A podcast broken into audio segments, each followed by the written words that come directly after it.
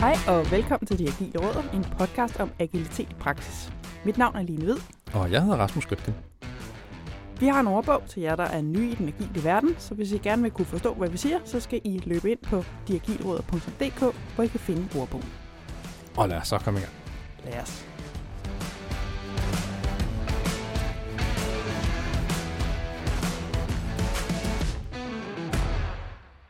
Hej Line. Hej Rasmus. Uha, optag i dag. Ja, endelig. Og så på en højheldig søndag. Puha, tør vi godt fortælle, fortælle det til lytterne, når vi står og optager på en søndag? Ja, der, ja, det tænker jeg nok er okay. Det skal nok gå alle sammen. Du har inviteret en uh, gæst med i studiet. Det har jeg, ja. Åh, oh, hvem skal vi snakke med? Vi skal tale med Tanja Hesselager, mm-hmm. som har arbejdet med forandringer sådan generelt siden 2008, og så har hun arbejdet med Agile siden 2010. Okay. Ja. Så hun, uh, hun har lidt erfaring at dele ud af? Ja, hun har, og det hun har erfaring med, det er erfaring med agile transformationer. Mm. Og skal vi ikke være ærlige her. I hvert fald et af mine sådan, hade buzzwords, det er altså agile transformationer. det er så meget sådan ord, der ender på en eller anden powerpoint, og så står der en ledelse, og Præcis. i hvor skal ja, vi bare være så skide agile, så det halve kunne være nok. Det fede ved Tanja er, som du siger, mm. hun har rigtig meget erfaring, hun har arbejdet med det her mange år, og så har hun tada, fokus på, hvad gør man rent faktisk? Hvis ja. man nu rent faktisk gerne vil lykkes med at gå fra at være en mere klassisk organisation og mm. arbejde agilt, hvordan gør man det i praksis? Okay. Og det passer jo meget godt med, at vi står her i en øh, podcast, som har fokus på agilitet, ja, agilitet i praksis. Og noget af det, som jeg også tror vil være vand på din mølle, det er, at hun har rigtig meget fokus på menneskene. Mhm. Fedt. Ja, og det der med, okay, altså, vi skal have de her mennesker med. Ja. Øh, og det synes jeg jo altid er dejligt. Det vil jeg rigtig gerne høre noget om. Mm. Øhm, og så siger hun også, eller har sagt noget til mig, som jeg synes er fantastisk, det er, at hun forsøger at møde organisationerne der, hvor de er. Altså frem for at komme, og der er vi måske tilbage ved PowerPointen, ikke? Komme mm. med PowerPoint og sådan hive den ned over sådan nogle de her stakkels mennesker. Ja. Så prøver han faktisk at finde ud af, hvor er I henne, hvad er det, vi skal gøre. Okay. Så det synes jeg er super, super spændende, fordi der er jo masser af organisationer derude, der gerne vil være agile. Mm. Så skal man jo igennem det, der jo så øh, hedder en transformationsproces. Ja. Så det der med, hvad gør man, hvis det rent faktisk skal lykkes, det vil jeg vildt gerne høre Jamen, om. helt sikkert, helt sikkert. Og især også, fordi som du siger, hvis hun møder organisationer, hvor de er. Mm-hmm. Der er jo nogen, som faktisk er agile, uden måske rigtig at kunne sætte ja. ord på det, eller måske tænke, at det er jo bare en del af vores DNA at sidde og snakke, mm-hmm. eller lave retrospectives, eller lære de fejl, vi Ja. laver. Jamen, så er det jo fedt at komme ind og sige, okay, hvad kan I i dag? Hvad gør I i dag? Og lad os se på, hvordan kan vi forbedre nogle af de andre ting måske. Mm-hmm. Helt sikkert. Så det glæder mig helt sikkert til at høre Ja. lidt mere om, og høre, om hun har nogle gode fif til, hvordan, ja. hvordan man gør det. Ja. Er der andet, der sådan, lyder spændende? Jamen, man kan sige, det er jo hele det her agile transformation. Altså, og, og som, som du også rigtigt siger, det, det er jo sådan lidt et, et bossord nogle gange, og nogle Mhm. PowerPoint slides, som vi gerne vil lidt væk fra. Åh, oh, meget gerne væk. Ja, præcis. Så, så kunne det være fint at høre, hvordan sælger hun måske hendes uh, approach til, til ledelsen, ja. og måske hvordan får hun så mennesket med, hvordan får hun for- udviklerne og teamsene og Ja. alle de her ting, hvordan får hun dem med? Ja. Og har nogle fif til de to ekstremt svære roller, som vi har snakket om så tidligere før. Nå. Øh, projektlederen, Mm-hmm. hvor hører han eller hun hen? Ja. Og mellemlederen. Ja. Hvad gør vi for ligesom at finde ud af at få det hele til at hænge sammen? Ja. Det tror jeg kunne være spændende. Det kunne være rigtig spændende. Vi må lige lave nogle uh, notes to self, fordi det der er ikke nogle af de spørgsmål, jeg har givet Tanja, men ja, nu bliver jeg også nysgerrig. Ja, Det var ret, det, det, uh, der er to der, det kunne være rigtig, rigtig sjovt. ja, det bliver synes. Det bliver vi nødt til at Ja. prøve at dykke lidt ind i. Det gør vi. Fedt. Skal jeg hente hende? Ja, endelig. Velkommen til dig, Tanja. Tak. Jeg er rigtig glad for at have dig med i dag. Jeg har jo allerede fortalt lidt om din baggrund, men kan du ikke mm. fortælle om din baggrund og din vej ind i Agile? Altså, min baggrund er jo IT. Øh, jeg har læst på IT-universitetet i København øh, og blev færdig i 2008. Det er efterhånden længe siden. Øhm, og startede Danske Bank som graduate, og det var faktisk også, da jeg mødte Agile for første gang, uden sådan at vide, at det var det, det hed, når man gjorde noget, der i hvert fald for mig gav så meget mere mening, end, end det, jeg ligesom var blevet introduceret, introduceret for i starten, øh, i form af sådan det mere klassiske projektledelsesform. Øh, form. øhm, så jeg mødte Agile for første gang i 2010, det var længe før, der var noget, der hed SAFE, og alle de her andre skaleringsrammeværker, så det var ren Scrum. Øhm, og har så egentlig ikke rigtig set tilbage siden. Det gav bare super god mening, efter man har siddet i et projekt med halvandet års foranalyse, og begyndt at skære tingene ned i nogle små bidder, og finde ud af, om man ramte rigtigt osv. Der var også en finanskrise i mellemtiden, der så heldigvis var målskiven, der kom tættere på for vores projekt, men der var rigtig mange andre projekter, der kom noget længere væk fra målskiven. Så, øh, så der var bare en masse ting, der lige pludselig gav rigtig god mening, da jeg mødte Agile. Mm-hmm. Øhm, og hele vejen igennem har jeg så haft forandringsledelsesfokus, så man kan sige, at de to ting i kombination har ligesom været min niche. Øh, de seneste efterhånden mange år. Og egentlig er jeg jo bare glad for, at det ikke kun er min niche længere, at der faktisk mm. findes rigtig mange, der er begyndt at se de to ting i sammenhæng. Og det gælder egentlig både agile coaches, når de arbejder med teams, men også den måde, man griber de agile transformationer an ude i de danske virksomheder. Det er aldrig nok. Det bliver aldrig nok. men, øh, men det er blevet bedre. Hvad, hvad, er din, hvad er din rolle så nu? Jamen, det er jo lidt forskelligt. Altså, ja, det er jo stadigvæk den her niche med at tage de agile transformationer og sige, okay, den her helt store sådan organisationsbrede forandring, hvordan griber vi den an? Øh, hvordan orkestrerer vi ligesom så øh, stortrummen gør det rigtige, og øh, øh, basunerne gør, hvad der nu ellers er af roller. Ikke? Altså, så det er, jo, det er jo selvfølgelig det her med at håndtere, hvordan man griber en, en stor forandring an, hvad enten det mm. gælder hvordan man driver en forandring, hvordan man bryder den ned i nogle små bidder, fordi man jo også helst selv skulle gøre det agilt, fordi at tro, man kan regne ud, hvad der sker, når man har med mennesker at gøre, det er sådan cirka nogenlunde umuligt. Øhm, hvad er de forskellige rollers ansvar? Hvad gør lederne? Hvad siger man til projektlederne, for at de har ro på, i det hele taget bare ro på bagsmækken? Øh, sørge for, at kommunikationen den spiller, så folk ved, hvad der skal ske. Øh, hvorfor gør vi det her? Bare i det hele taget sørge for at lytte til de mennesker, man er omkring, og sørge for, at der er så, så meget ro omkring forandringen som overhovedet muligt, så man dels kommer godt ud på den anden side som, som menneske og som organisation med nogle medarbejdere, der stadigvæk trives og ikke bare sådan ligger efterladt sådan fuldstændig vingeskudte, men også så man får, øh, får sine penge hjem. Altså det er jo helt vildt store summer, man bruger på de her store agile transformationer, ikke? og i min optik, så har jeg det bare sådan, jamen, altså, jo bedre man styrer forandringen bag, jo hurtigere kommer man også ligesom tilbage til at have en, en organisation, der er effektiv og produktiv. Øhm, både ud fra, at glade medarbejdere, de er produktive, men også bare i det hele taget, at det er de rigtige ting, vi gør, og der er ro på, så vi ikke har en masse stress, som gør, at vi fokuserer på, på, på noget, der ikke er kerneopgaven, kan man sige. Ikke? Mm. Så det er typisk min rolle. Hvad er det så, du gør, når du kommer ud? Som sådan, altså når du starter sådan en transformation? Altså jeg kommer jo selvfølgelig med en, en toolbox, der jo rummer en masse forandringsledelsesværktøjer, mm. øh, helt konkret, ikke? Altså, som er sådan nogle analyseværktøjer i forhold til, hvad for nogle interessenter har vi med at gøre, hvordan, hvad er impacten på organisationen, hvad er impacten på de forskellige roller, mm. øh, hvad er det for nogle planer, vi skal sætte op for at have styr på kommunikation og på coaching og på support osv. Men så er der også bare hele det der sådan, det her med at føle organisationen, altså hvor er folk henne, hvad er det, der foregår, hvordan er magtbalancerne, Øh, hvad er det for en kultur, vi har med at gøre? Øh, det er sådan en af mine kæpheste, det her med, med kulturen i forhold til det agile. Prøve ligesom at finde ud af, hvad er den rigtige approach at gøre her? Øh, lytte til organisationen, både når man starter ud, men jo selvfølgelig også på den lange bane. Ikke? Altså finde ud af, hvor er vi henne? Hvad, hvad er det rigtige, der skal til her? Fordi der er bare ikke to virksomheder, der er ens. Mm. Mm. Har du nogle konkrete eksempler på, hvad du har gjort for at altså komme ind under huden på sådan en, en virksomhed? Jamen, det er jo, altså, det er jo ret banalt egentlig. Det er jo øh, at sætte sig og spise nogle frokoster og mm. drikke noget kaffe og stikke forbi og prøve at lære folk at kende øh, og, og så hurtigt som muligt etablere et tillidsfuldt bånd, så de tør at komme og sige, når de synes noget er svært, eller når de er bekymrede for noget, i stedet for det bliver det der sådan lidt overflade, vi kører på, hvor man ved jo godt, hvad man skal sige som medarbejder, eller som leder, eller som projektleder, så skal vi alle sammen bakke op. Mm-hmm. Men det der med at fange, hvad de så går hjem og siger, eller siger til medarbejderne, eller siger til kollegerne, det er jo et eller andet sted mit job at sørge for, at vi har en relation, så de tør komme og sige det til mig, så jeg ligesom kan brede det ind i selve transformationen, mm. så vi tager højde for, hvad det er, der betyder noget for folk derude. Ikke? Så det er jo meget banalt, altså det er jo virkelig sådan noget interpersonelt. Øh, lære folk at kende, sørge for at orientere sig i forhold til de stakeholders, der er i rundt i organisationen, både sådan dem, der officielt set har noget at skulle have sagt, men også dem, der måske uformelt har rigtig meget magt. Ikke? Ja. Mm. Nu nævnte du selv projektlederne, altså sjovt, altså inden da du kom, du kom, hvor vi lige har snakket mm. om dig og introduceret, sådan, så blev Rasmus nysgerrig, blandt andet på de der projektledere, altså ja. hvordan man griber dem. Det gør man jo aldrig.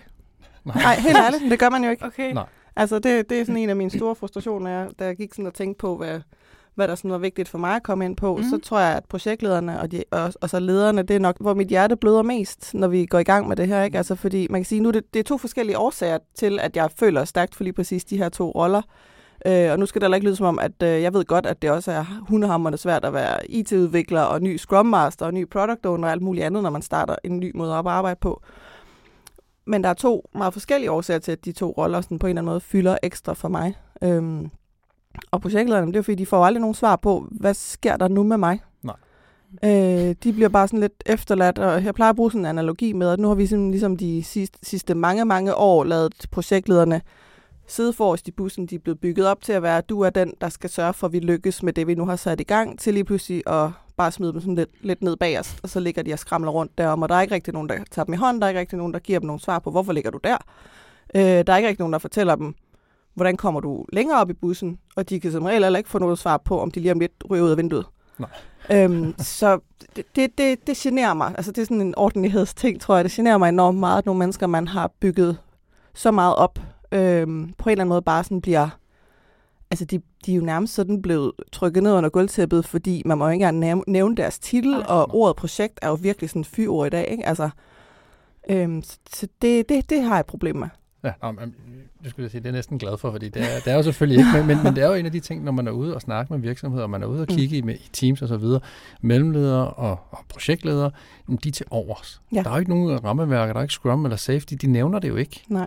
Så hvad gør man? Altså, ja. skal de konvertere sig alle sammen til, til Scrum Master? Oh, måske ikke nødvendigvis, for det er måske ikke det, de brænder for. Uh, product Owners? Hmm, ja, måske. Det kan mm. da egentlig godt være, det er det nærmeste, mm. de egentlig kommer til. Men, men der er ikke rigtig nogen hylde. Nej, nej, og det er der jo ikke. Altså, udfordringen er jo, at altså, mange af dem vil synes, at det er lidt en degradering at blive Scrum Master, hvilket jeg også personligt er lidt ærgerlig over, men det er fordi, man, altså i min bog, så har man også gjort Scrum Masteren alt for letbenet i rigtig mange virksomheder. Altså man har nærmest reduceret den rolle til, når så faciliterer du lige nogle møder, og det er så fint. Og så, det kan du jo gøre for fem teams, ikke? Mm. Altså, ej, sat på spidsen, men... Ja, ja. Men jeg synes, man har taget rigtig meget af sådan, øh, hvad kan man sige, øh, det der egentlig klassisk er lidt personalledelse, daglig ledelse, ud af den rolle, Scrum Master-rollen, mm. ved netop at gøre den til sådan en facilitator. Øh, og der kan jeg godt forstå, at projektlederne måske ikke ligesom føler sig så tiltalt af det. Ja. Så der ligger helt klart også et ansvar i at få konkretiseret og talt Scrum Master-rollen op, øhm, og få givet dem nogle svar på, hvad, hvad for nogle dele af Scrum Master-rollen kunne være interessant, og for nogle dele af Product Owner-rollen kunne være interessant, og hvordan kunne de passe ind i det. Ja. Ja, om, om lige præcis at finde en rigtig hylde, og finde mm. lidt fra, fra, alle, fra alle hylderne, som ja. passer til den enkelte ja. person. For det er en af de ting, som jeg har lidt, og jeg tror egentlig også lige, at vi har snakket om det tidligere, omkring altså, agile transformationer osv., så, jamen, så kommer I jo med en, en kasse, og I propper dem ned over folk, og hvis de ikke passer ind, så er de i overskud. Mm har du et fokus på ligesom at sige, jamen skal vi ikke prøve at tilpasse det her safe, det her scrum, et eller andet til den virksomhed, som vi arbejder på? Ja, ja, så nu er jeg jo ikke en af de meget sådan religiøse, øh, agile typer. Øhm, så, så jeg plejer at gå ind og sige, at jeg er forholdsvis pragmatisk, men også ambitiøs på både virksomhedens vegne og det team, de teams, jeg så arbejder sammen med. Så jeg synes egentlig, jeg plejer at finde en meget god balance. Altså jeg kan da godt nogle gange føle, når, når et team kommer og siger, at det er også så dejligt, fordi du er så pragmatisk. tænker jeg, hmm, der er noget galt. Jeg, de skal ikke synes, jeg er pragmatisk. de skal synes, jeg er lidt skrab, og det er lidt hårdt, ikke? Ja. Så, så plejer jeg altså lige at skrue den en lille smule mere, ikke? Så tænker jeg, okay, hvis de synes, det er lidt nemt, det her. Men altså på den anden side, så ved jeg jo heller ikke, nogle gange har jeg også tænkt, jeg tror måske også, det er min, min, min forandringsbaggrund, der gør, at de har det sådan, fordi jeg ligesom ser mennesket altid, og tager højde for mennesket og deres behov og deres bekymringer, og vi har den tillid. Altså jeg, når jeg, nogle gange, når jeg har en teamcoach-opgave, så jeg kommer jo ikke ind med en eller anden guide eller en bog eller et eller andet og slår morgen i hovedet og siger, nu er du forkert. Og det har jeg jo altså desværre også set ude i organisationen, ikke? at det netop oh, ja. er, som du også siger, altså hvis ikke du passer ind i rammen, så er der noget galt med dig, og så er du forkert. Så jeg har ikke rigtig fundet ud af, om det er det ene eller det andet, og det kan man nok heller ikke rigtig fortælle eller vurdere, om, om det er det ene eller det andet, men det tror jeg selvfølgelig også er en del af det. Jamen helt sikkert. Og, og, igen, jeg har også hørt masser af gange folk sige, at det står ikke i safe bogen det kan Nej, vi præcis. ikke. oh, jamen ja. igen, jamen, ja. så har vi jo bare misforstået konceptet, og så mm. er det lige præcis, at vi begynder at få folk i overskud, og mm. folk, der ikke rigtig ved, hvor de hører til i virksomheden. Ja. Ja, og så kan man sige tilbage til det med projektledning. Altså en ting er, at det bare er ordentligt at behandle folk og give dem svar, mm. og sørge for, at der bliver taget hånd om. Så er det også typisk nogle profiler, som godt ved, hvordan man navigerer i det politiske univers, og som mm. kan støje forholdsvis meget, og hvor man kan ende med som organisation at bruge forholdsvis meget tid på de her mennesker. Fordi de kæmper. Mm. Altså, de lægger sig ikke over hjørnet vel og siger, nå, jamen, så er der ikke plads til mig, nå, så Nå. finder jeg bare noget andet at lave. Altså, så der er også et eller andet sådan fornuftsmæssigt i det, jamen, altså, hvad vil du helst bruge tiden på? Ikke? Altså, vil du bruge tiden på at drive den forandring, du nu har sat dig for, eller vil du bruge tiden på, at de her mennesker, de kæmper imod med næb og klør for stadigvæk at bibeholde en position i organisationen. Ikke? Mm. Så der er både sådan det der ordentlighedsprincippet i det, og så er der også på en eller anden måde en, en hvad kan man sige, sådan en økonomisk øh, fordel ved, at man måske får, får givet projektlederne nogle svar på, hvad skal der så ske nu? Jeg synes faktisk ofte, det går hånd i hånd i virkeligheden at være ordentlig og behandle folk ordentligt, og faktisk samtidig, at der er en økonomisk fordel. Af en eller anden grund synes jeg, der er bare også ofte nogen, der ligesom overser det. Så de har kun fokus på økonomien, og så er det det, de kigger på, og så kan økonomien måske betyde, at man kommer til at behandle mennesker dårligt. Mm. Men hvis man starter med at behandle folk ordentligt, så ender det altså for det meste også godt i forhold til økonomien. Jeg er meget enig, men jeg ved ikke, om det nogle gange bliver for kortsigtet på en eller anden måde. Ikke? Og så er det måske også mm. tilbage til, altså, man har for få, der ved, hvad forandring er, og hvordan mennesker agerer i forandring, og hvordan man passer på, så folk føler sig taget med ja. i forandring. Ikke? Ja. Altså helt tilbage til sådan det biologiske, og altså hvor meget trigger vi reptilhjernen og amygdala, når vi sætter nogle ting i gang, og ja. hvor meget tager vi hånd om den måde, mennesker nu agerer på, når det bliver præsenteret for noget nyt. Øhm, og det er noget, det jeg brænder helt vildt meget for, og ligesom udbrede den forståelse for, hvad, hvordan er vi overhovedet stykket sammen sådan biologisk og neurologisk, når vi står i forandringer. Mm. Men jeg tror bare, at der er simpelthen ikke nok, der forstår, hvordan designer vi så store transformationer, så vi tager højde for det. Og igen tilbage til det med det økonomiske, ikke? fordi jamen, så kan du sige, selvom at du ville være uordentlig og ligeglad med mennesket, så er det stadig en dårlig økonomisk beslutning ikke at tage højde for det her. Ikke? Ja. Fordi en urolig organisation, en stressorganisation, det er jo heller ikke en produktiv organisation, og det er heller ikke en forandring, der kommer hurtigt igennem. Så det er også noget med ligesom at kende sit menneske og bruge de værktøjer, der gør, at, at, hvad kan man sige, at produktivitetsdroppet bliver så smalt som overhovedet muligt, så du ikke kommer ned og skrabe, og der går, altså vi kommer langt ned i mm. manglende produktion, men også at det bliver så kort som muligt, ja. så vi egentlig hurtigt kommer videre. Ikke? Ja. Er det den øverste ledelse, du så bearbejder på det punkt, eller hvem? Nej, dem kan man jo sjældent få i tale, ja. desværre. øhm, nej, altså så prøver man jo, altså det er jo typisk via noget, en eller anden form for læsekontor, eller transformationskontor, eller okay. en eller anden form for program i den retning, ja. øhm, sådan en som mig bliver, bliver placeret, ikke? Og så må man jo prøve at spille på de øh, politiske strenge, der er, ikke? og så prøve på det. Øh, men ærligt er det også en af årsagerne til, at jeg, jeg sådan er, har taget bestyrelsesuddannelse. Det er simpelthen for at sige, okay, hvad er det for nogle knivtangsmanøvrer, vi kan lave, hvis vi mm. har de her fuldstændig fantastiske mennesker, som arbejder nedefra på at udbrede det agile. Ja. Mm. Hvis vi nu også havde nogle bestyrelser og nogle topledelser, som ligesom arbejdede op fra, efterspurgte de rigtige ting, og bad om, at forandringerne blev drevet ordentligt og økonomisk rentabelt, så vi høstede vores benefits. Ikke? Mm det gad jeg godt se i en organisation. Hvordan, hvordan vil sådan en forandring ske? For jeg ja. tror, der vil være, det vil være noget andet at være i. Og jeg tror, vil være, jeg tror også, det vil være noget mere rentabelt. Og nu har vi talt om projektlederne, ja. hvad der sker med dem. Hvad sker der med mellemlederne? Hvad gør man med dem? ja, men nu, øh, og nu har jeg nævnt ham mange gange, men øh, jeg arbejdede sammen med en, en meget dygtig leder, der hedder Anders, øh, da jeg var hos Nykredit. Øh, nu gør jeg meget ud af aldrig at tale om sådan navngivende organisationer, men når det er det positive, så, så vil jeg rigtig gerne. Og jeg kan huske, Anders, vi arbejdede sammen i Nykredit for, jamen det er seks års tid siden, og han, han, var, han var leder. Han var sådan teamleder, ikke? Og vi havde, sådan nogle, vi havde nogle gode snakke, både i hans ledergruppe og en til en. Og så siger han bare på et tidspunkt til mig, så siger han, Tanja, det allersværeste for sådan en som mig, det er at være usynligt synlig over for mine folk. Fordi jeg er helt med på, at jeg skal ikke sidde og øh, detaljplanlægge og kontrollere, hvad det er, de laver, og blande mig i deres prioriteringer, og blande mig i måden, de arbejder på. Men jeg er mega bange for ikke at fange, hvis der er nogen, der ikke har det godt. Og mm. for mig er det bare, altså det der usynligt synlige, jeg tror, jeg har nævnt det i alle de ledergrupper, jeg har arbejdet sammen med siden, fordi det er bare fuldstændig on point, det der udfordring for de agile ledere, det er den der, det der skisma mellem, jeg vil rigtig gerne give mit team den empowerment, jeg ved, de har de skal have, og de kan styre. Men jeg er også bange for at fange, hvis nu der er et eller andet, hvor, jeg, hvor de har brug for, at jeg er der, og de ikke lige får det sagt hurtigt nok, eller tænker, at jeg klarer den selv, at jeg så ikke er der og ved det, for de er jo langt væk. Mm. Øhm, og det er jo en sindssygt svær sådan ny rolle at have, og i min bog er der måske ikke sådan rigtig prioriteret nok, at, den, at, at lederne ligesom får den support, de har brug for, både som ledergrupper, men også som individer i forhold til at få oversat, hvad er det nu, jeg må og skal, og hvordan griber jeg den an. Jeg har en rigtig god kollega, som ved helt vildt meget om sådan ledercoaching og HR, og hun, hun sagde her den anden dag, jamen netop det her med, at man skal jo gå fra, hvor hun sådan sagde, for eksempel en-til-en samtalen og mus-samtalen, øhm, det er jo nærmest en, en skole-hjem-samtale, sådan sat på spidsen, ikke? Hvor nu er det blevet meget mere en coachende samtale, og det er jo nogle helt andre kompetencer, nogle helt andre styrker, du skal sætte i gang som leder. Og de skal jo også finde sig selv, så den der palette af ledelsesuddannelse og ledelsessupport, der skal til, er jo ikke bare at sætte dem på et kursus i Agile Leadership, hvilket man i det mindste så kan håbe, man gør, og det sker mm. jo desværre heller ikke alle, i alle virksomheder. Men altså, det er jo et helt andet supportapparat, man skal sætte ind med, for at lederne ligesom kan lande, lande i den her forandring men, også. Men, men rammer vi lidt der, den snak, vi havde tidligere omkring, at Scrum Master måske er blevet degraderet til, til facilitator, og ikke har den der coachende ting for, for teamet, eller coachende rolle for teamet, og ligesom kan supportere mellemlederen i, i de mus-samtaler, der nu måtte komme?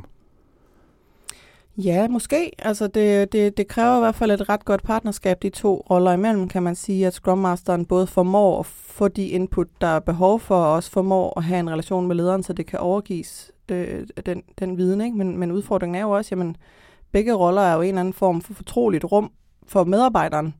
Så hvis de, så, de to så skal sidde og udveksle informationer om medarbejderen, så skal man virkelig have fundet ud af, hvordan gør man det. Ja.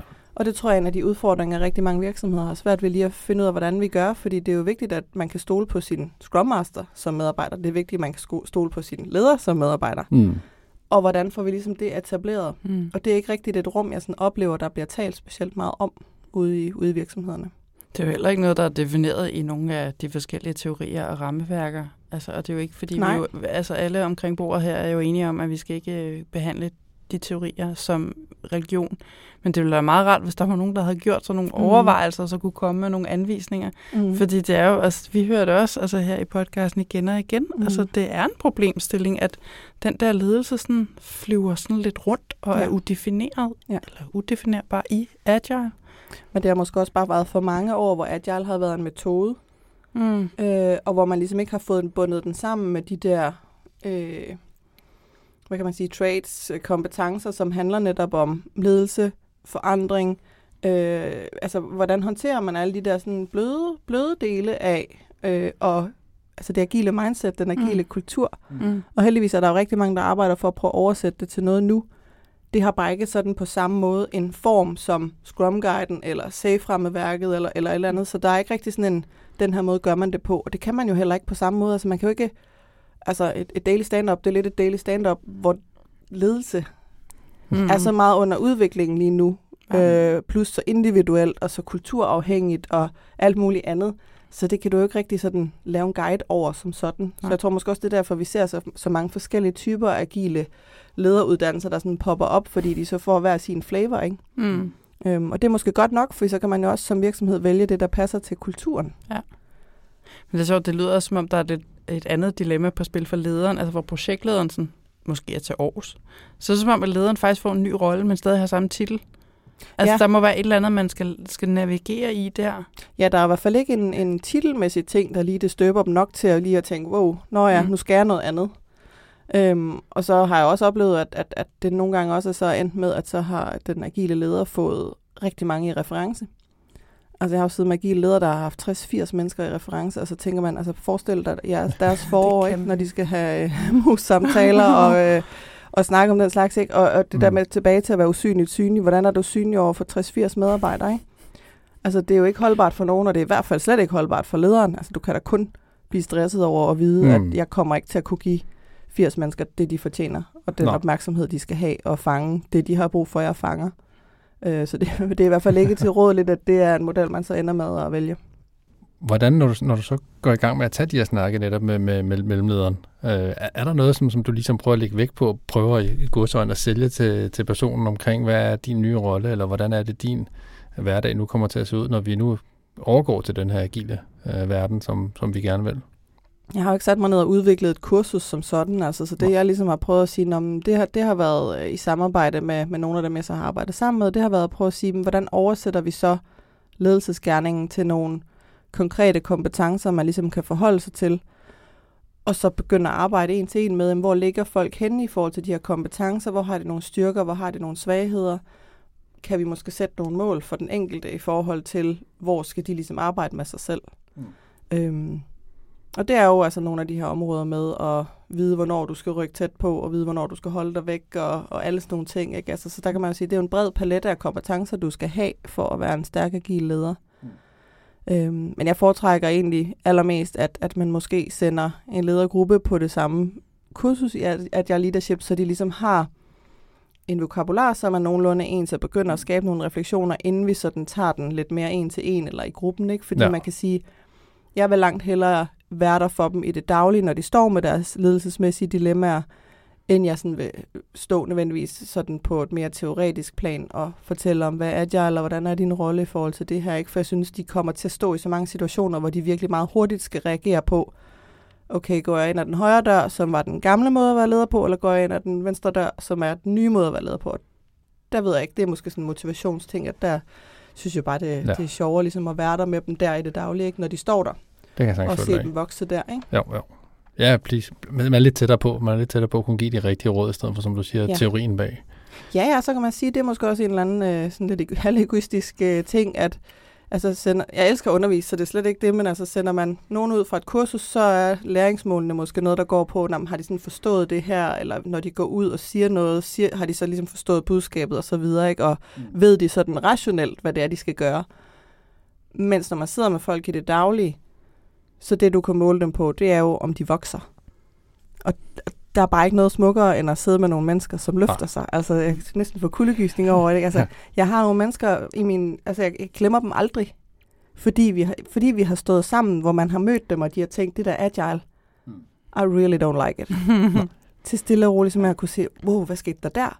Og hvad skete der der? Og hvad ja. skete der der? Til, altså, og det er jo ikke fordi, det er jo ikke mit mål, at de skal elske agile.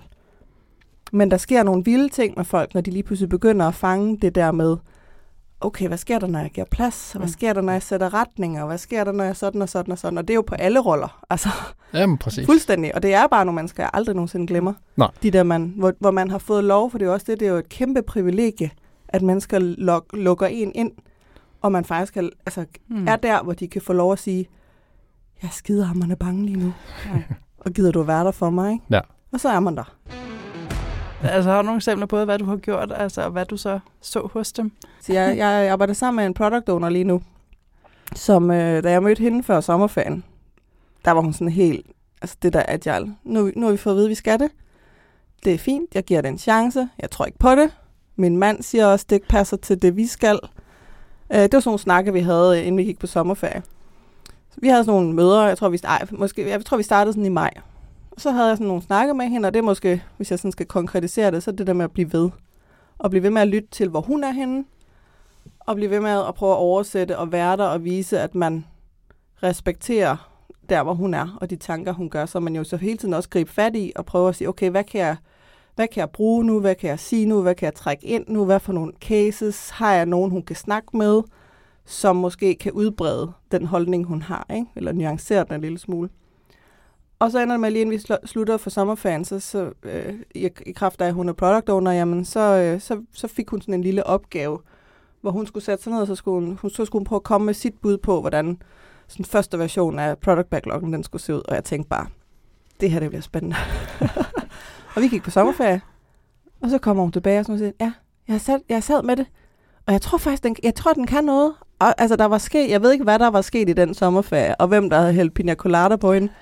Men øhm, hun, der var sket et eller andet under den der ferie, hvor jeg tror det her med, at hun måske har siddet og arbejdet, både mentalt med nogle mm. af de snakker, vi havde haft, men også rigtig meget med, med backloggen, og havde fået lov bare at sidde med det i sit eget tempo, mm. og i sit eget format, for jeg havde ikke presset hende ind i et eller andet agilt tool. Hun kom bare med et øh, Word-dokument, så vidt jeg husker, og havde skrevet en masse ting ned, og havde sådan lidt prøvet at lave noget, noget, noget breakdown på det.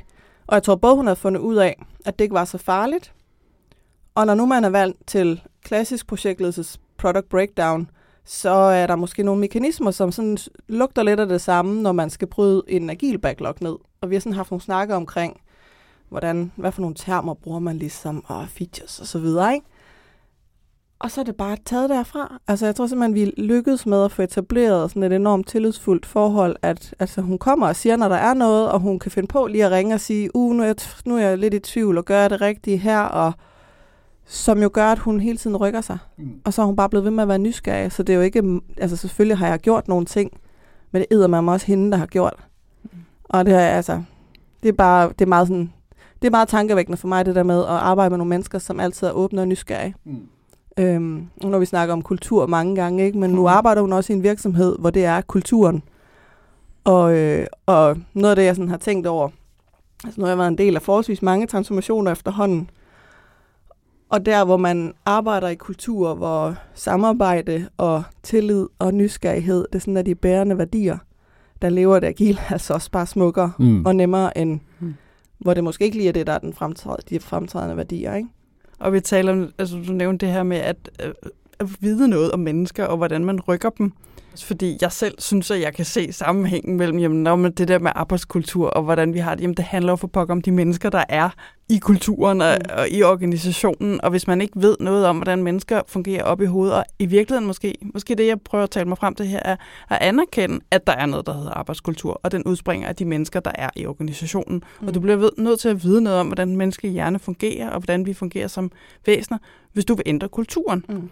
Og det er derfor, jeg synes, jeg synes bare, jeg kan se en sammenhæng Altså, der er jo helt klart en sammenhæng mellem øh, kulturen, og så, altså om den er et produkt af de mennesker, der arbejder der, eller om de er et produkt af kulturen. Det er jo altid nok sådan en halv filosofisk øh, diskussion, man kan tage.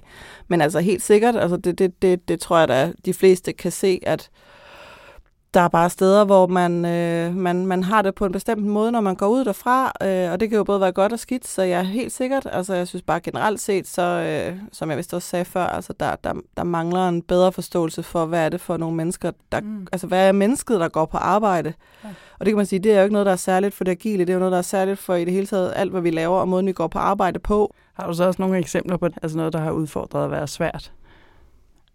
Ja, men det, selvfølgelig har jeg det. Altså, øh, jeg har der steder, hvor, hvor jeg har haft det som om, at jeg har haft havregrød på øverste etage, når jeg er kommet hjem, fordi det bare har været dage med øh, kamp og øh, unders, underliggende agendaer, og øh, siger det ene og gør noget andet, og siger noget i et forum, og siger noget andet i et andet forum, og jamen helt sikkert. Øhm, mm. Og det er hårdt at være i. Men det er også næsten noget af det, der er sværest at gå fra. Fordi, mm. man, fordi jeg nogle gange har følelsen af, at jeg er den eneste, der lytter, og jeg er den eneste, der er der, og jeg er den eneste, der egentlig har en interesse i at gøre noget for de her mennesker, så de får det federe, når de går på mm. arbejde. Mm. Men jeg ved også godt, at i sidste ende, så er det dem selv, der kan gøre noget, ikke? Hvad, hvad, hvad gør man så i sådan en situation, ja. Tanja? For det lyder bare som en, en knibe. Jamen, det ved jeg ikke. Det er jo, så, så er vi lidt tilbage til dit spørgsmål før, ikke? Altså, er det menneskene, der skaber kulturen, eller er det mm. kulturen, der skaber menneskene? Hvor meget kan man egentlig gøre, ikke? Altså, i sidste ende, hvis det der det er kulturen i en organisation, så, så er du et plaster på et, ja. et kødsår. Undskyld, den er ikke særlig flatterende metafor. Men, men altså, det, det, det er jo begrænset, hvad man kan gøre. Altså, mm. og, og så kan man gøre noget i en periode, hvor man er der, men, men i sidste ende, så kan man jo ikke fikse det. Mm. For det er jo overvis, øh, det er jo mange, mange mennesker, der på en eller anden måde fastholder, at det er kulturen. Og nogen kan være i det. Mm. Og det kan man så sige, Nå, det er jo deres valg, eller, ja, eller siger noget om dem, det ved jeg ikke. Og nogen kan ikke. Mm. Jeg tror, det er det, jeg går mest op i. Det er dem, der ikke kan, men som heller ikke kan komme fra det. Mm. Det, det er dem, jeg ligesom bærer med mig.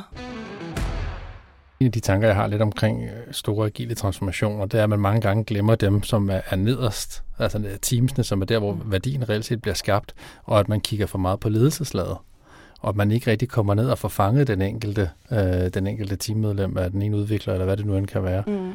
Og jeg synes også, jeg har haft mange snakke med folk, der siger, at agile transformationer, de starter øverst oppe, og så arbejder vi os ned i, i organisationen, og så til sidst så rammer vi teamsene, hvor jeg har lidt den anden holdning at sige, mm. jamen lad os, lad os da gå ned der og tage dem, som reelt set skal arbejde i det her miljø, i den her nye måde at arbejde på, og så lad os få taget dem lidt op. Mm. Hvordan griber du det an? Hvor, hvor starter du henne på, på organisationsdiagrammer? Oh, det er jo så forskelligt fra virksomhed til virksomhed. Altså nu har jeg jo været et sted i, i lidt over et år, så, jeg, så jeg, altså, det er jo nærmest blevet sådan et helt beskyttet værksted, fordi det netop er en masse mennesker, der skinner, og en masse mennesker, der bare siger, ja, og det prøver vi. Og mm. bevares, det er ikke problemfrit, og der er masser af ting, og der er masser af ting, vi skal arbejde med og sådan noget, og der er masser af frustrationer og alt muligt. Øhm, men der er vi jo lidt startet over det hele. øh, men det er jo også derfor, jeg, altså, det har jeg sagt til dem fra meget, meget tidligt. Altså, I min bog, så er det her den, øh, den, den fineste agile transformation i Danmark. Af okay. dem, jeg har set. Altså, nu har jeg jo ikke set dem alle. Men af dem, jeg har set, så, så er det meget, meget fint, det der sker der. Fordi der både grundlæggende er en rigtig stor respekt for mennesket, og fordi man har mandet op, så der, der er faktisk noget muskelkraft her.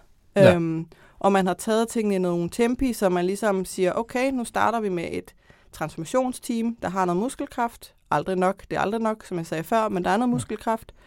Og så ser vi, hvad der sker, og lige så stille, så har man ligesom arbejdet derfra, og nu er det jo endt med her, at vi her i, jeg tror det er næste uge, så skal vi, nej næste uge igen, jamen så er der en uge, uge sådan lace celebration, hvor vi fejrer, at de er blevet til et lace-kontor, ikke, som og et fast del af organisationen. Og så kan man sige, ved man, er man inden for den agile verden, så ved man, det er en rimelig big deal, mm. øhm, at man faktisk har fået lov at blive sådan nu, nu er vi på organisationskortet, ikke? Ja, ja. Det er ret sejt. Nu spørger jeg bare dumt. Lace? Lean Agile Center of Excellence. Oh. Dem, som, øh, hvor man kan sige, det er dem, der ejer øh, det, at vi arbejder agil i den her virksomhed, ikke? Altså både metodisk og forandringsmæssigt, kan man sige. Ja, modtaget. Den må heller komme i ordbogen. Svarer jeg på spørgsmålet? Nej, det gjorde jeg vel egentlig ikke rigtigt. Nej, altså jeg, jeg har lidt været i den der, jeg har lidt været i den der sådan ret gode verden, så hvor man mm. så lidt glemmer, at sådan er det jo ikke altid. Altså, så øh, at bevare sig, jeg ved da også godt, at vi nogle gange er smurt lidt, lidt tyndt ud, øh, både, både på teamniveau og på lederniveau og på ja, de øverste ledelseslag, ikke? Men, men, men altså, det er, det er, og det er man jo tit. Altså, man er tit smurt tyndt ud, og den, men altså, den ene organisation, så starter man nedfra, og den næste, så starter man i midten. Man starter jo sjovt nok desværre aldrig opfra. Jeg ved godt, man siger det, men det gør man jo ikke. Nej. Og, og vil du helst starte opfra? Vil du helst Nej, jeg vil helst have knivtangsmanøvren. Jeg vil hellere ja. bare give den fuld skrue hele vejen rundt. Men jeg vil, jeg vil, nok, øh, jeg vil nok starte forholdsvis højt oppe, mest for at de ved, hvad de sætter i gang. Ja. Og for at være nysgerrig på, hvorfor sætter de det i gang? Så det er ikke bare en CIO, der lige skulle sætte sit fodaftryk og sige, sådan en skal jeg også vise, jeg har lavet. Øhm, det kunne jeg godt tænke mig, at man var lidt mere nysgerrig på. Hvad møder du af forskellige tilgange? Altså, der var en af dem, fornemmer jeg, der hedder, uh, den er fin, den vil vi også have. Men altså, møder du andre ting op på øverste niveau? Nå, jamen altså, det, det, Danmark er jo et lille land, så man kan jo sige, heldigvis så taler vi jo ret meget sammen på kryds og tværs, og det er jo også indtryk af, at man gør på direktørniveau, ikke? Altså, så, man, så den, vej, den vej rundt tror jeg også, de, de er forholdsvis nysgerrige på hinanden, og så kan man også sige, altså du kan jo ikke leve i 2022, og så ignorere, at Agile det findes derude. Øhm, altså, i lang tid var det IT, og så kom det lige så stille lidt til noget pharma, og så kom det også lidt til noget tele, og altså, øh, nu er det jo hele vejen, ikke? Altså, i de fleste brancher, ikke? Så man kan sige, det er, jo, det er jo meget forskelligt. Jeg har indtryk af, at de taler sammen, men altså, man taler jo også, man hylder med de ulve, man er iblandt, så, så man taler jo om det ud fra den rolle, man har, og det, der, hvor man sidder mm. i en mm. organisation, ikke? så selvfølgelig er der også forskel på, hvad man ser, øh, når man er øverste lag. Men der synes jeg måske også, man, man, man skal være lidt bedre til at spille dem gode. Mm. Altså jeg synes indimellem det der glasloft, der ligesom ligger under direktørlaget, der er simpelthen for mange ting, de ikke får at vide. Fordi alle dem, jeg har mødt på, den, på det niveau, har jo været nogle virkelig gode mennesker. Mm. At der så er agendaer og, og alt muligt andet i gang og sådan noget, men der er jo ingen af dem, der går ind i en forandring og så ønsker at gøre det til noget skrammel mm. og køre medarbejderne over og få folk til at have det dårligt. Selvfølgelig er der ikke det. Nej. Men, men de bliver simpelthen heller ikke givet øhm, de informationer, de har brug for for at kunne agere efter det. Nej, de bliver ikke klædt ordentligt nok Nej, det gør de altså ikke. Nej. Kan du gøre noget så, når du kommer ind som altså, den, der står? Ja, ja, men det gør, ja, ja, det kan jeg da sagtens. Ja. Altså, det er måske der, hvor man nogle gange så kan undre sig for fanden, hun og spiser frokost med direktøren. Men altså, og, så kan man, og, så, og det er måske det, hvor, altså, på den ene side, så kan det lyde som om, det er hende konsulent, så prøver hun bare på at mænge sig de, de høje steder, ikke? men det er faktisk ikke det, det handler om. Det handler mm. faktisk om at prøve at bygge en bro, så man netop kan finde ud af, hvor er vedkommende henne, og hvordan spiller man dem rigtigt ind, apropos store trommer og, og trompeter. Ikke? Altså, mm. de har jo også en rolle. Øhm, og måske også for at prøve at gøre dem menneskelige. Altså, for jeg tror også, altså, det, går, det er jo ikke, heller ikke af ond vilje, at man tit som medarbejder ikke lige får involveret dem vel, men, men det, det er bare ikke alle steder, hvor man kan det, mm. tror man. Og rigtig tit, så er de jo bare super fine mennesker, som faktisk godt gider mm. spise en frokost, hvis, man, hvis de blev spurgt, mm. ikke? Mm. Ja. Men jeg synes, det er synd. Altså, jeg synes, det er, jeg synes, det er synd for hele organisationen, mm. at man ikke øhm, binder hinanden noget bedre sammen på en eller anden måde. Øh, og der er et eller andet, altså, og jeg, jeg, jeg er ikke blevet klogere på, hvad der foregår, der gør, at der er det der loft. Fordi jeg mm. oplever egentlig, der er, altså sådan på, altså når man sådan tager den ene rolle med rollen lige nedenunder, så er der som regel et, et altså et, i det store hele bevægelser, der er altid steder, hvor det ikke fungerer, men altså i det store hele, så er der som regel rigtig godt altså samarbejde fra VP til niveauet under, fra hvad de ellers hedder, alle de der roller, ikke? Og altså, men alligevel så sker der et eller andet med, at tingene ligesom ikke kommer op igennem. Mm. Øh, jeg ved, om det er længere nede. Fordi det synes jeg måske, at det jeg har oplevet, altså nu har jeg jo aldrig på den måde arbejdet med transformationer, men altså fra medarbejder til nærmeste leder, mm. det er i hvert fald der, hvor jeg synes, jeg har spottet, at der er der noget filter på. Ja. At der er masser af ting, der står og siger ude ved kaffemaskinen, og så kommer du ind til din samtale, din en til en eller din mus, og så er alt godt. Nå, men det tror jeg, der sker på alle, ja. alle, på alle niveauer. Det, ja. det, det, det, det tror jeg, der vil ønske mig, at det ikke skete, altså, ja. fordi Altså jo ærligere, vi, jo ærligere vi kan være, selvfølgelig på en ordentlig måde, jamen jo nemmere er det jo altså også at mm. navigere i det her. Ja. Altså lidt tilbage til det der med at kende mennesker og vide, hvor de er henne. Ikke? Altså mm. jo, jo mere vi bare har rene linjer omkring nogle ting, jo nemmere kan vi også agere efter det, der sådan rent faktisk er sandheden, ja. i stedet for det der sådan lidt filtrerede, prøve ja. lidt, og nu sagde han det der med, at han mente i virkeligheden noget andet. Ikke? Ja.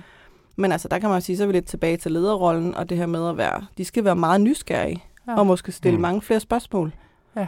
øhm, end fordi hvis ansvar er det ene, når det kommer til stykket, ikke? Altså, hvis, hvis en medarbejder ikke kommer til en leder og siger sandheden, i sidste ende så er det altså lederen, der har hånden på kogepladen mest. Ja. Ja, altså noget af det, jeg synes, den tror jeg alle har hørt. Altså en leder står og siger, min dør står altid åben. Ja. Er det fint? Det er ikke det samme, som jeg har hmm. lyst til at komme ind og fortælle dig, hvad jeg egentlig mener.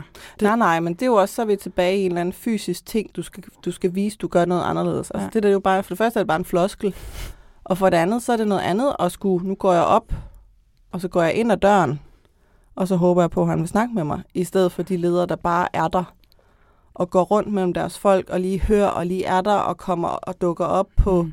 på en demo, eller lige kigger ind forbi, når der er, er daily stand-up, og så videre, ikke? Altså, tilbage til det der med, hvad, hvad lederrollen er. Jeg tror, vi skal, generelt set, så tror jeg, vi skal hjælpe hinanden til at oversætte de her forandringer meget bedre. Mm. Altså, det er jo fint, du kan godt læse en rollebeskrivelse af, hvad er en god product owner, eller hvad er en god scrum master, men det der med at arbejde med at oversætte, hvordan ser det ud i adfærd? Mm. Mm. Altså, det er noget af det, jeg er helt vildt optaget af, med forandringsbriller på.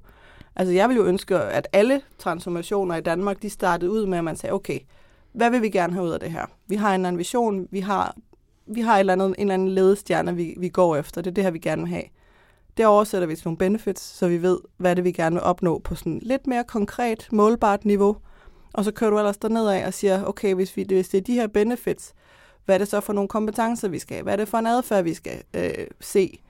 Hvordan, altså få det oversat, så, så lige meget hvem du er i en organisation, så ved du, mm. jamen det er den her ledestjerne, jeg er med til at at opnå, når jeg møder ind mandag morgen. Og det er, hvad enten du er projektleder, eller leder, eller scrum master, eller IT-udvikler, eller testmanager, eller hvad søren du laver i den organisation. Og der er bare ikke nogen, der laver den oversættelse. Mm. Hvad er det så, de får i stedet for? Det er en rollebeskrivelse i ja, bedste fald. Okay. Ikke? Så får du ja. øh, læst den her rollebeskrivelse af en product owner. Men, men, men det der med at oversætte, jamen en mm. god scrum master, hvordan ser det ud?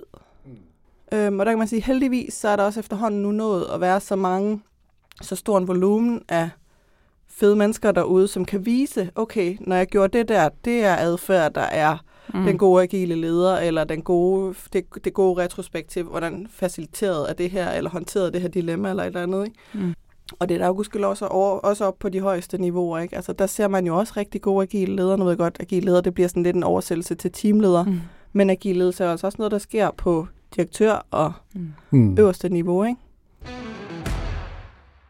En af de myter, som vi, som vi leger lidt med her, lidt for sjov en gang imellem, det er den der sure gamle mand. Ja. Og, fordi der, vores opfattelse er, at der sidder altid en eller anden, som, eller mange måske, som er imod hele den her agile verden og mm. den her agile transformation. Hvorfor kan vi ikke bare gøre, som vi har gjort de sidste 50 år? Mm. Møder du også dem derude? Ja, altså den, dem, der har den, øh, den rolle på, jamen det gør jeg da. Mm. Det er jo bare sjældent det, det handler om. Hvad tænker du? Nå, men vi er tilbage til det med at være nysgerrig. Altså mm. igen, jeg synes, så snart man putter folk ind i sådan en kasse, så har man sådan en, en tendens til, for det første selvfølgelig at dømme dem lidt, det ligger der i at både sådan wording og putte dem i kassen, ikke? Men så har man også ligesom konkluderet, at ham her, han går på arbejde for at være sur, og være mm. på tværs og være umulig. Men der ligger jo noget inde bagved, og ja. det er den nysgerrighed, jeg synes, der er rigtig vigtigt. Hvad er det, der gør, at han er, virker som en sur gammel mand? For det handler jo om noget. Ja, men man kommer jo og piller ved hans verden, og, og den måde, som ja. han nu engang har, har i rette sat sig selv til at ja. være, og den måde, han har sat sig i stilling til at køre sine ting. Ja. Ja, og det bliver bare fornemt at sige, at det er også fordi, han er IT-udvikler, og han kan nok ikke lide transparensen i det agile, eller han kan nok ikke lide, at nu skal vi have en masse møder. Nej. Men det kunne også handle om noget helt, helt tredje, ikke? Hvad, hvad gør man? Hvad, hvad skal vi gøre? Altså, jeg sidder og faktisk spørger for, det, for at få nogle gode råd, fordi jeg, jeg arbejder som Scrum Master og, og på diverse projekter og så videre. Og, og jeg møder jo de der folk. Jeg møder mm. dem der, som jeg har svært ved at nå ind til fordi han, han måske sidder med korslagte arme og ikke mm. deltager i så videre. Det er jo mm. altid en, en, jeg vil ikke sige en kamp, der er det jo ikke, men det er, en, det er en større opgave at få sådan en til at blive engageret i, i det team, som man nogle gange sidder i. Klart. Ja, ja, og på den ene side får du lidt sådan en uh, undecided, uh, et, et undecided svar, for på den ene side, så vil jeg jo sige, det er jo der, man er nysgerrig. Det er der, man mm. prøver at finde ud af, altså, kan vi oparbejde en relation til hinanden, så vi kan finde ud af, hvad handler det her sure gamle mand attitude om. Mm. Øhm, fordi er det noget med transparensen? Er det noget med det agile? Er det er han i det virkeligheden bare sådan, så du måske ikke skal tage det så tungt, øh, men også finde ud af at være nysgerrig, hvor, dybt stikker det måske også for de andre, ikke? Fordi nogle gange kan man måske godt føle, at det kun er en selv, det går ud over, men rigtig tit går det også ud over hele teamet, at der mm. sidder sådan en og så man har jo dobbelt ansvar. Man har jo et ansvar over for den opgave, du er blevet stillet som Scrum Master eller Agile Coach i forhold til at få det bedste ud af, af Agile. Ja. Men du har også et ansvar over for teamet, ikke? Mm. At det her det ikke fylder for meget. Så det er sådan, på den ene side, så vil jeg sige, at man skal være nysgerrig og prøve at se, om man kan grave det ud og tage, og, og tage brøden lidt af, og se, om man kan imødekomme nogle af de der bekymringer, eller hvad det nu må være, han har, som gør, at han måske bliver sådan lidt mere syrlig, i stedet for bare sur, ikke? Ja. Og den anden del af mig, og det er sådan en af de sådan, nyere strømninger inden for forretningsledelsen, som jeg egentlig er ret vild med, for jeg kommer nemlig til at være meget nysgerrig på sådan noget. Jeg er det hele taget, altså alle dem, der, der enten ikke trives i det, eller er sure, eller sådan på en eller anden måde på tværs, dem bruger jeg som regel, har jeg også klassisk brugt rigtig lang tid på. Mm. Øhm, men så er der de nye strømninger, som sådan en som Morten Mønster, han, han står for. Øh, han har sådan et diagram, om han, han kalder det popcorn-effekten i sin nyeste bog, og den, det bør man, man bør jo læse den bog, hvis man overhovedet interesserer sig for forandringerne. Den er, den er rigtig god. Men altså, hvor han har sat sådan et schema op, og så siger, at altså alle de der sure, nederen typer, som ikke kan og ikke vil, leave them be. Altså, det er de der popcorn, der, eller majskorn, der ligger nede i bunden af gryden, og aldrig nogensinde popper, og bare ender med, at alle de popcorn, der var poppet, de brændt på for længst, når de der så måske på et tidspunkt ender med at beslutte sig for at poppe, ikke? Ej, og jeg synes simpelthen, den, jeg, synes virkelig, ja, den, øh, jeg synes virkelig, det er så rigtigt. Det er godt ramt, ja. At du ender simpelthen nogle gange med at, at udtrætte alle de der fine popcorn, der bare er løbet med, fordi de kunne, når de ville. Mm.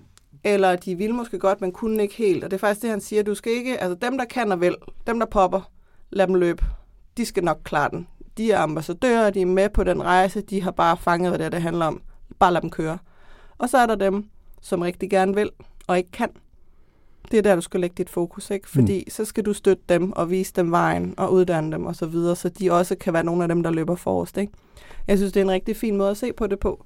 Ja. Fordi man netop godt nogle gange kan, kan lade sådan en, altså både bestemme sådan hele stemningen i lokalet, mm. øhm, men også bare fylde for meget i den rolle, du nogle gange har, ikke? Og altså mm. bevares ting, hvis du nu gik fra en forandring og sagde, hvad opnåede jeg?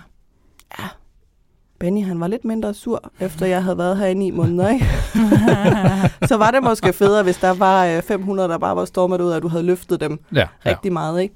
Så er jeg jo heller ikke for alle, og det skal måske også på en eller anden måde være mere okay, at det er det ikke. Altså, fordi det, jeg tror, det kan være svært ligesom at, at stå ved, at altså, nej, det, jeg mm. synes måske ikke lige, det her det er det fedeste. Ikke? Og så er vi lidt tilbage til det med nysgerrigheden, som jo nu har jeg snakket om nysgerrighed i forhold til andre, men det er jo også en nysgerrighed i forhold til sig selv. Altså det er noget af det, jeg prøver sådan at arbejde med med dem, øh, jeg arbejder sammen med, når jeg ligesom... Jeg ved jo godt, at jeg skal efterlade dem på et tidspunkt, fordi jeg er konsulenter på et eller andet tidspunkt er jeg videre.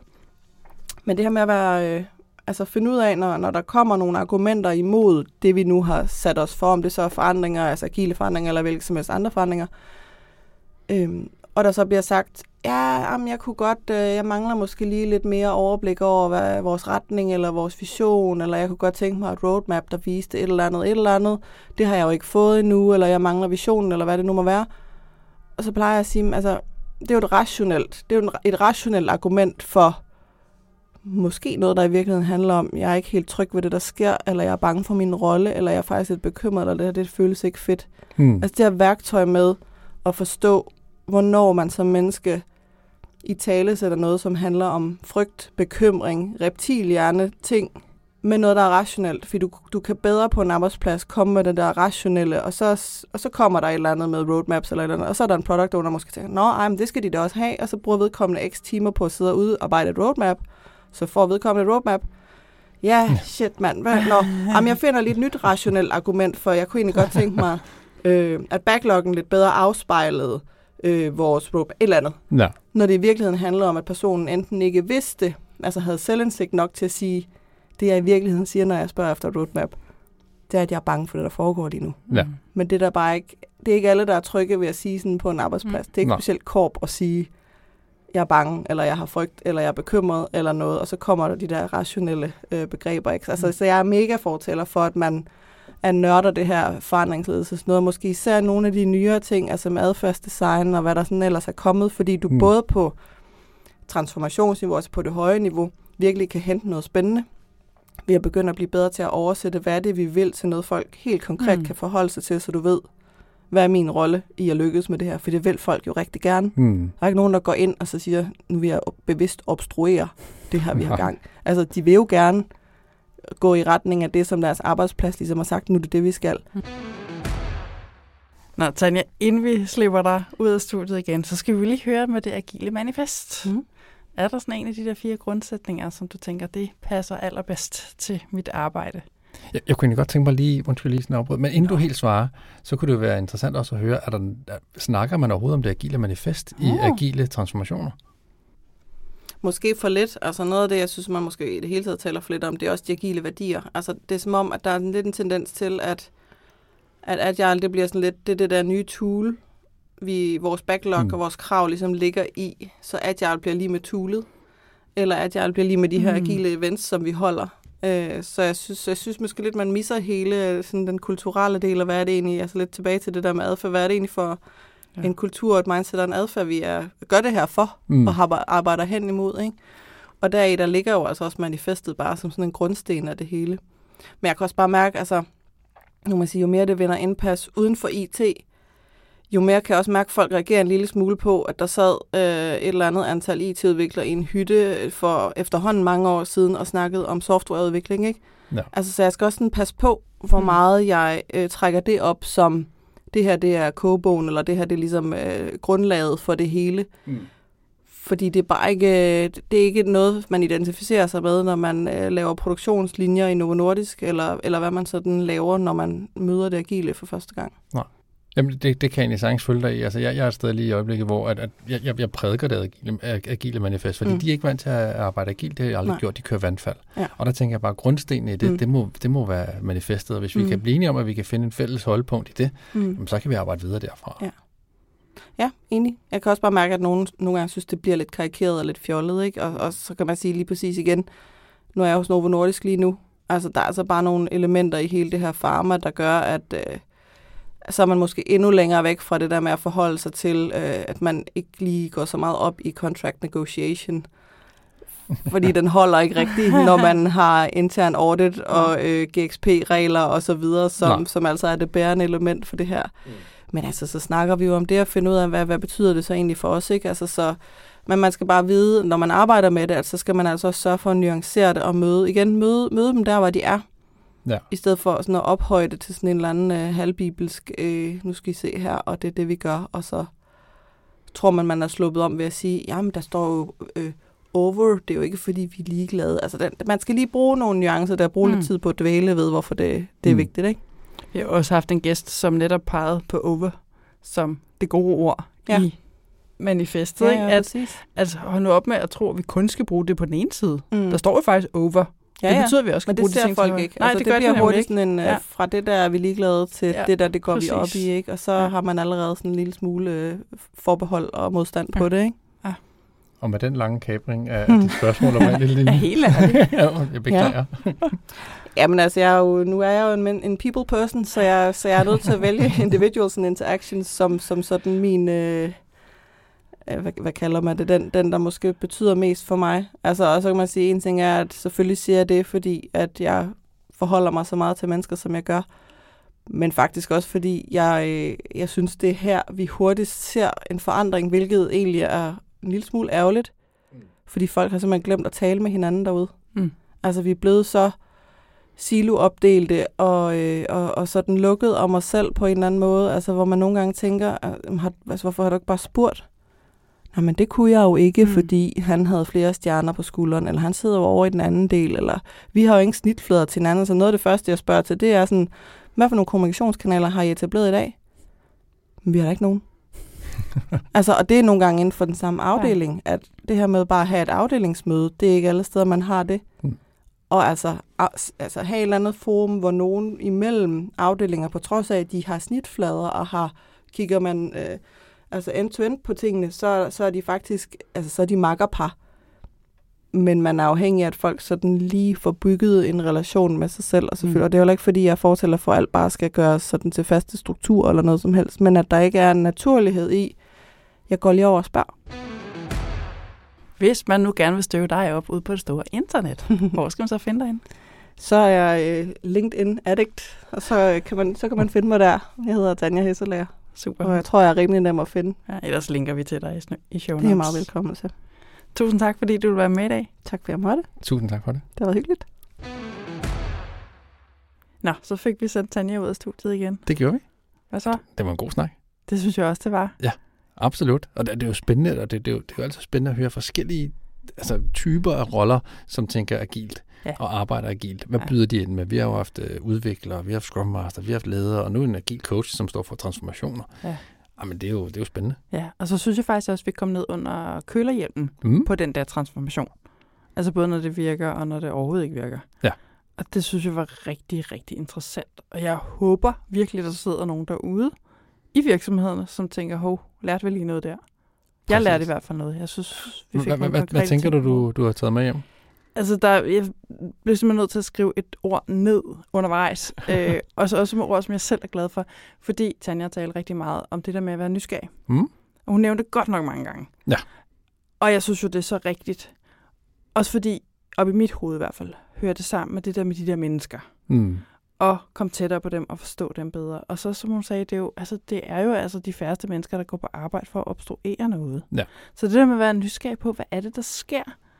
Og så også det, hun talte både om reptilhjernen og altså, neurologien i det. Mm. Det der at, for, altså, at, at kigge på adfærd. Hvad ja. er det, folk gør? Og, og vi er ikke de der super, super rationelle væsener, som ikke, altså, nu har vi fået udleveret en powerpoint, hvor der står, at vi skal gøre, så nu gør vi det alle sammen. Sådan fungerer det ikke. Det fungerer anderledes. Mm. Øh, og det starter med nysgerrighed. Ja. Altså i hvert fald, hvis man vil knække den ned, så starter man med nysgerrigheden. Mm. Så det er sådan en, Meget jeg virkelig har taget med mig. Ja. Vær nu nysgerrig derude. Ja, og det er uanset om du kører vandfærdsprojekter, ja. eller om du kører agile projekter. Ja, det er, når du har med mennesker at gøre. Præcis. Altså, og det, faktisk også, det gælder altså også til middagsselskaber, som overhovedet ikke har noget med arbejdspladser at gøre. Ja. Altså, vær nysgerrig på dem, der sidder omkring bordet, mm. frem for at prøve at stoppe dem ned i nogle kasser. Helt sikkert. Og, og det var også det, jeg blev mærke i, netop at hun snakker mennesker, mennesker, mennesker. Altså, ja. det, det, er jo, det er jo folk, det er jo, det er jo deres dagligdag, det er jo den måde, som de arbejder på, og, og vi ved jo alle sammen, hvor meget af vores fritid, det der job, det nu engang tager. Mm. Så derfor er det jo sindssygt vigtigt, at os, som ligesom skal hjælpe folk med at have det godt på jobbet, at ja. vi også har fokus på, at, at som du siger, adfærden og, og kulturen i virksomheden. Ja. Ikke? Ja. Var der noget, du særligt blev mærke i? Jeg tror, at, at, at jeg ved ikke, om jeg blevet særligt mærke i det, men, men at, at vi ikke er de eneste, der synes, at projektlederne og mellemlederne er et svært sted at, og, og ja. ligesom have med at gøre. Ja. Øhm, det, jeg ved ikke, om det er rart, at, at andre mennesker også har det, men, men, men det, det gør i hvert fald bare, at der måske kan komme mere fokus på det. Ja. Og få defineret helt præcist, hvor er skillelinjen mellem den ene rolle og den anden rolle, og, og hvad, hvad skal de lave mm. i, i det agile setup? Og kan man, kan man ikke godt finde et, et sted, hvor de ligesom kan, kan trives, og de kan få, få udledet deres ambitioner osv.? Ja. Øh, det, det tror jeg, der skal mere fokus på. Ja. Jeg synes, det var helt vidunderligt at høre hendes ærlighed omkring projektledere. Mm. Altså, de stakkels projektledere, jeg kan godt det der billede, hun havde, de bare sådan lå nede bag bussen. Måske de på vej ud af vinduet. Men altså, lad os nu tale om det for pokker. Mm. Fordi, altså, jeg er lidt bange for, at det, der nogle gange sker ude i virksomheden, der er, at man tænker, hvis vi nu ikke snakker om det og lader som om, at det problem eksisterer, så går problemet væk. Mm. Men sådan fungerer det sjældent med problemer. Ja. Så jeg synes, det var vidunderligt at høre hende. Altså, så sætter det ord på det, at ja, mm. det er et problem. Jamen det er det, og det er, det, jeg ved ikke, om det er så stort et problem, men det er i hvert fald et, et problem, der gør, at man skal ikke bare tage rammeværket og så følge det til punkt og prik, og så sige, okay, men så har vi klaret alt. Nej, det har I ikke, for der er stadig en gruppe mennesker, som der skal, øh, der skal tages hånd om, og som så ja. skal støttes igennem det her på den ene eller anden måde. Ja. Så mennesker, mennesker, mennesker, og, og sørg nu for at have fokus på, på deres ja. øh, hverdag. Og så er der måske også faktisk en underliggende ting, som vi ikke nødvendigvis talte om direkte, men noget af det, jeg også tænkte på, var det der med, at ting tager tid. Mm. Altså, fordi det tager jo tid at sætte sig ned og snakke med folk. Og ikke bare gøre det én gang, men at følge op. Ja. Og gå og have en fornemmelse af dem, og så følge op på det. Og snakke med nogle andre. Mm. Og også lade dem selv arbejde. Altså lade dem give mennesker tid til at vende sig til, at der sker noget. Ja. Og det tror jeg måske også er noget, man glemmer, eller måske ikke synes, man har tid til. Men man bliver jo nødt, altså hvis, hvis mennesker skal med, skal de, have, Jamen, de skal præcis. have tid til at blive både blive bearbejdet, men også bearbejde sig selv, for at kunne følge med i en, i en transformation. Helt sikkert, og, og vi har jo kun en, en pulje af mental kapacitet til at, at aflære ting og lære nye ting. Ja. Og der er jo en masse gamle vaner, vi skal aflære, Ja, og vi skal lære nogle nye samtidig. Og, og eftersom vi kun har den båndbredde, vi nu engang har, så tager ting bare tid. Ja, det gør nemlig. Og så bliver det jo også lige pludselig så tænkt, og det har jeg også tænkt i, i andre situationer, at nogle gange tror jeg, at grund til, at det kan være svært at komme igennem med den slags, altså når vi siger det der med at lytte til folk og Mm. give det tid og forstå mennesker, det er også som om, at altså, vi tager også noget af alt det der sådan lidt glitrende af fra PowerPointen. Det lyder så dejligt, når det er sådan en agil transformation. Det lyder sådan stort og lækkert. Men hvis det handler om, at nu er det også snakke lidt med folk og sørge for, at de får tillid til dig, og så give dem noget tid til at vende sig til sangen. Det lyder så simpelthen så meget som altså, lille blæ, og altså, Ja, ja, det er som ja. så usekset. Ja. Jamen, det, du, du har fuldstændig ret.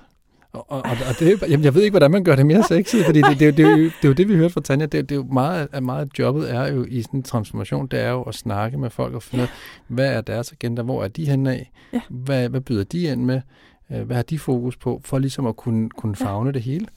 Men, men den sælger man nok sgu nok ikke så godt. Nej, det er det. Altså, det er sådan, jeg synes rigtig meget, mange af de gange, hvor vi bad hende om at konkretisere, så siger hun, det er jo som at snakke med folk. Ja. Og jeg er fuldstændig sikker på, at ja, det er det, der virker. Det er jo også det, hun kan fortælle, at det gør. Mm. Men den, altså, den er svær at sælge. Det er den, helt sikkert. Det var alt for denne gang. Du kan skrive til os på hej eller du kan skrive til os på LinkedIn, hvor vi har en side, som du selvfølgelig også kan følge. Du må også meget gerne dele podcasten med alle dine agile venner og rate den i din podcast-app. Du kan som altid finde både os og ordbogen og podcasten på deagilerødder.dk, og alt, hvad der er relevant fra dagens episode, det linker vi som sædvanligt til fra show notes. Jeg hedder Line Hvid. Og jeg hedder Rasmus Skytgen. Vi høres ved.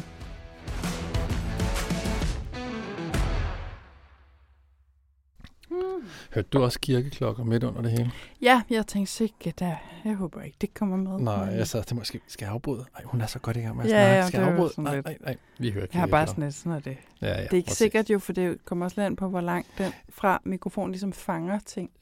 Præcis, men det er Øhm, bare det, jeg tænkte, lad ja, ja, ja. høre det her, Ja. så må man... Nå, det bliver Ja. spændende at høre.